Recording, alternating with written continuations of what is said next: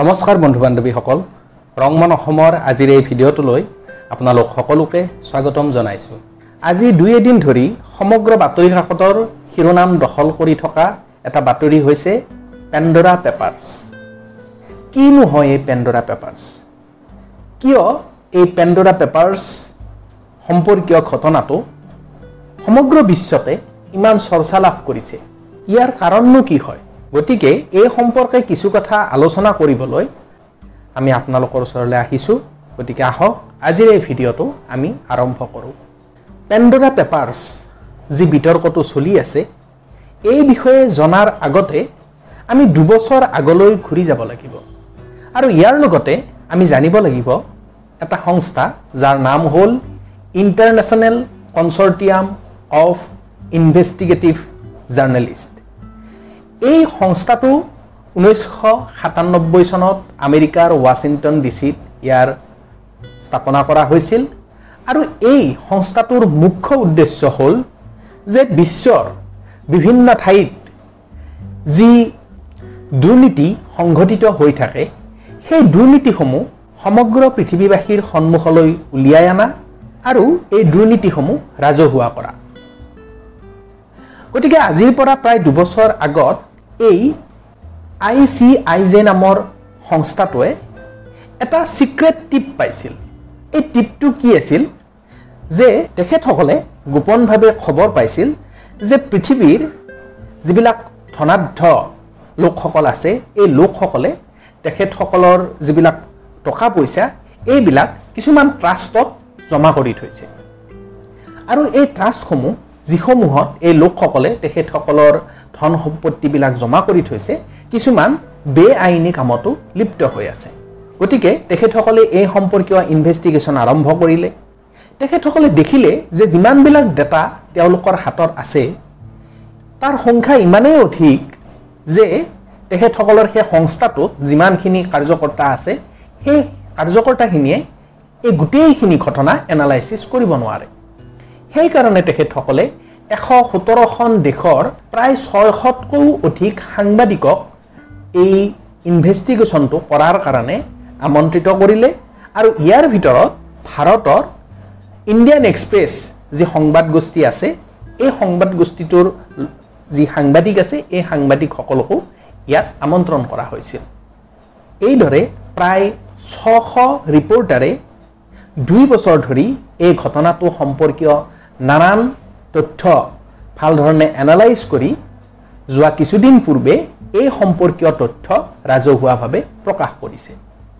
আৰু এই ৰাজহুৱা কৰা এই তথ্যখিনিক একেলগে পেণ্ডৰা পেপাৰ্ছ বুলি কোৱা হয়। আৰু আটাইতকৈ আশ্চৰ্যজনক কথাটো হ'ল পৃথিৱীৰ বহুত কেইখন দেশৰ ৰাষ্ট্ৰপ্ৰধান লগতে দেশসমূহৰ অতিকে গণ্যমান্য লোকসকলৰ নামো এই পেণ্ডৰা পেপাৰ্ছৰ যিটো তথ্য আছে সেই তথ্যত তেখেতসকলৰো নাম অন্তৰ্ভুক্ত হৈছে। এতিয়া আমি চাওঁ আহক এই ধনাঢ্য লোকসকলে কেনেকৈনো নিজৰ ধন সম্পত্তিবিলাক এনেদৰে ট্ৰাষ্টত জমা কৰি থ'ব পাৰিছে। এই ক্ষেত্ৰত আপোনালোকক ক'ব খোজোঁ যে পৃথিৱীত এনেকুৱা বহুত দেশ আছে যিসমূহ দেশত টেক্সৰ যিটো নীতি নিয়ম এই নীতি নিয়মবিলাক অতিকে শিথিল হয়। কোনো ধৰণৰ কঠোৰ নীতি নিয়ম তাত নাই। সেইকাৰণে ধনাঢ্য ব্যক্তিসকলে নিজৰ ধন সম্পত্তিবিলাক তেনেকুৱা শিথিল টেক্সৰ নিয়ম কানুন থকা দেশবিলাকত কিছুমান কোম্পানী বনাই কিনে তাত ইনভেষ্ট কৰে। সেই দেশবিলাকত এনেকুৱাকৈ ভুৱা কোম্পানী গঠন কৰাটো অতি সহজ কথা। কাৰণ সেই দেশবিলাকৰ যি নিয়ম কানুন সেই নিয়ম কানুন অতিকে শিথিল হয়। গতিকে কি কৰে এই ধনাঢ্য ব্যক্তিসকলে কিছুমান ভুৱা কোম্পানী বনায়। এই কোম্পানীবিলাকক চেল কোম্পানী বুলি কোৱা হয়। অৰ্থাৎ এই কোম্পানীবিলাক কাগজে পত্ৰই থাকে কিন্তু ৰিয়েলিটিত তেনেকুৱা কোনো কোম্পানী নাই। অৰ্থাৎ এইবিলাক হ'ল একোটা ভুৱা কোম্পানী আৰু এনেকুৱা ভুৱা কোম্পানী কিছুমান একেলগ হৈ ট্ৰাষ্ট হিচাপে নিজৰ ধন সম্পত্তিবিলাক ইনভেষ্ট কৰা দেখা পোৱা যায়। ইয়াতে আহিল ট্ৰাষ্ট গঠন কৰাৰ প্ৰক্ৰিয়াটো। সাধাৰণতে ট্ৰাষ্ট এটা গঠন হ'বলৈ হ'লে তিনিটা পাৰ্টিৰ দৰকাৰ। এটা হৈছে ছেটেলাৰ এই ছেটেলাৰটোৱে কি কৰে? ট্ৰাষ্টটো গঠন কৰে আৰু এইটো পৰিচালনা কৰে। দ্বিতীয়টো পাৰ্টি হৈছে ট্ৰাষ্টি ট্ৰাষ্টিয়ে কি কৰে? এই ট্ৰাষ্টটোত নিজৰ ধন সম্পত্তিবিলাক জমা ৰাখে।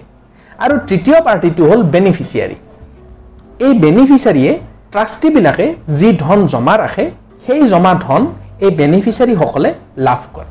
গতিকে আমি বুজি পালোঁ যে তিনিটা পাৰ্টিৰ সহায়ত ট্ৰাষ্ট একোটা গঠন কৰা হয়। ট্ৰাষ্ট গঠনৰ প্ৰক্ৰিয়াটো বুজিবলৈ হ'লে আমি সৰু এক্সাম্পল এটা লওঁ। সাধাৰণতে মানুহে বিভিন্ন কাৰণত ট্ৰাষ্ট বনাব পাৰে। উদাহৰণস্বৰূপে ধৰা হ'ল এজন ব্যৱসায়ী আৰু এই ব্যৱসায়ীজনৰ চাৰিটা সন্তান আছে। ব্যৱসায়ীজনে ভাবিলে যে তেখেতৰ মৃত্যুৰ পিছত তেখেতৰ সম্পত্তিৰ যি ভাগ সেই ভাগটো তেওঁ নিজৰ সন্তানসকলৰ মাজত ভগাই দিব। আৰু এই প্ৰক্ৰিয়াটো তেওঁ ট্ৰাষ্ট হিচাপে গঠন কৰিব পাৰে। তেওঁ সেই ট্ৰাষ্টটো গঠন কৰি নিজৰ চাৰিগৰাকী সন্তানক কিমান কিমান শ্বেয়াৰ দিব সেই সম্পৰ্কে লিপিবদ্ধ কৰাব পাৰে। আৰু তেখেতে ইয়াকো জনাব পাৰে যে ধৰা হ'ল তেখেতৰ কোনোবা এজন সন্তানে তেওঁৰ শ্বেয়াৰখিনি বিক্ৰী কৰিব বিচাৰিছে। তেতিয়াহ'লে তেওঁৰ সেই শ্বেয়াৰখিনি কিনাৰ প্ৰথম অধিকাৰ তেওঁৰ বাকীকেইটা ভাই ভনীৰ থাকিব।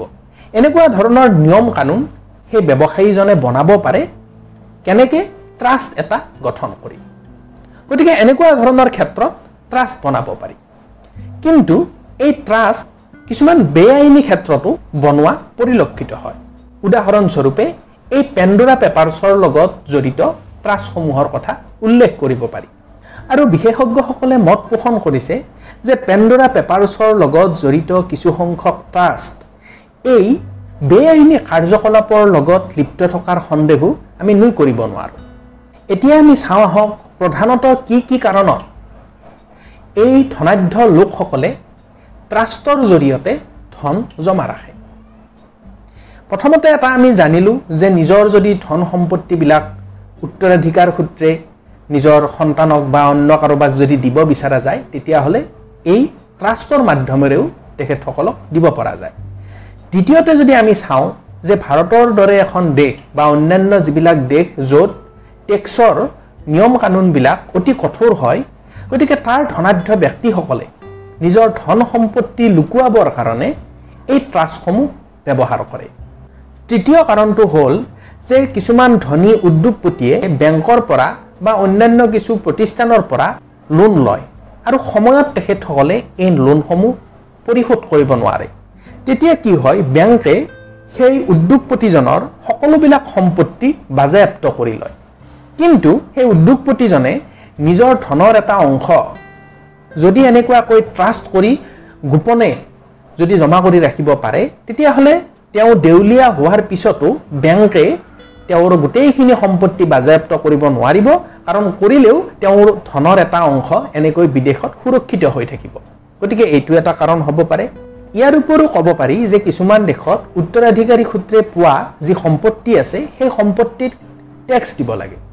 কিন্তু যদি এনেকৈ ট্ৰাষ্টৰ থ্ৰুদি যদি উত্তৰাধিকাৰীয়ে সম্পত্তি লাভ কৰে তেতিয়াহ'লে তাত কোনো টেক্স দিব লগা নহয়। গতিকে এইটো এটা কাৰণ হ'ব পাৰে। ইয়াৰ উপৰিও ভাৰতৰ দৰে কিছুমান দেশত এজন মানুহে এক বছৰত নিৰ্দিষ্ট এক লিমিটতকৈ বেছি ধন জমা কৰি ৰাখিব নোৱাৰে। গতিকে এই লোকসকলে বিদেশত এনেকৈ ট্ৰাষ্ট গঠন কৰি নিজৰ ধন সম্পত্তিবিলাক জমা কৰি ৰাখে। গতিকে আমি গম পালোঁ যে এনেকুৱা বিভিন্ন কাৰণত ট্ৰাষ্ট গঠন কৰি ধন সম্পত্তিবিলাক জমা কৰি ৰাখিব পাৰি। এতিয়া কথা হ'ল এই ট্ৰাষ্ট গঠন কৰা প্ৰক্ৰিয়াটো বেআইনী নেকি?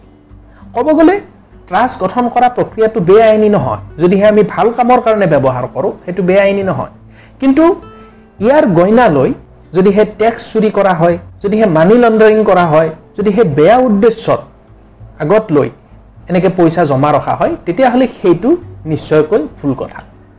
এতিয়া যদি আমি চাব যাওঁ বিশ্বৰ বহুত কেইখন দেশৰ ৰাষ্ট্ৰপ্ৰধান যেনে জৰ্ডানৰ যিটো ৰাষ্ট্ৰপ্ৰধান আছে লেবাননৰ যিটো প্ৰধানমন্ত্ৰী আছে এইসকলৰ নাম পেণ্ডোৰা পেপাৰ্ছ সম্পৰ্কীয় যি তথ্য আছে সেই তথ্যত তেখেতসকলৰ নাম ওলাইছে। আমি জানো যে লেবানন বা জৰ্ডান এইকেইখন দেশ আৰ্থিকভাৱে যথেষ্ট পিছপৰা। গতিকে এনেকুৱা এটা অৱস্থাত এই দেশকেইখনৰ ৰাষ্ট্ৰপ্ৰধানে যদি নিজৰ ইমান বৃহৎ সংখ্যক ধন এনেকৈ বাহিৰত গোপনে জমা কৰি ৰাখে তেতিয়াহ'লে এইটো সঁচাকৈ এক সন্দেহৰ বিষয়। ইয়াৰ উপৰিও ৰাছিয়াৰ যিটো ৰাষ্ট্ৰপতি ভ্লাডিমিৰ পুটিন তেখেতৰ সম্পৰ্কীয় কেইজনমানৰ লোকো এই পেণ্ডৰা পেপাৰছৰ তালিকাত আছে। ইয়াৰ উপৰিও পাকিস্তানৰো কেবিনেট পৰ্যায়ৰ দুজন মন্ত্ৰীৰ নামো এই লিষ্টত আছে। লগতে যদি আমি ভাৰতবৰ্ষৰ কথা চাওঁ জনপ্ৰিয় ক্ৰিকেটাৰ শচীন তেণ্ডুলকাৰৰ নামো এই লিষ্টত আছে। কিন্তু শচীন তেণ্ডুলকাৰৰ উকিলে কৈছে যে এই সম্পৰ্কীয় সকলো নথি পত্ৰ চৰকাৰক জমা দিয়া হৈছে। ইয়াৰ উপৰিও ভাৰতৰ উদ্যোগপতি অনিল আম্বানীৰ নামো ইয়াৰ লগত সাঙুৰ খাই আছে।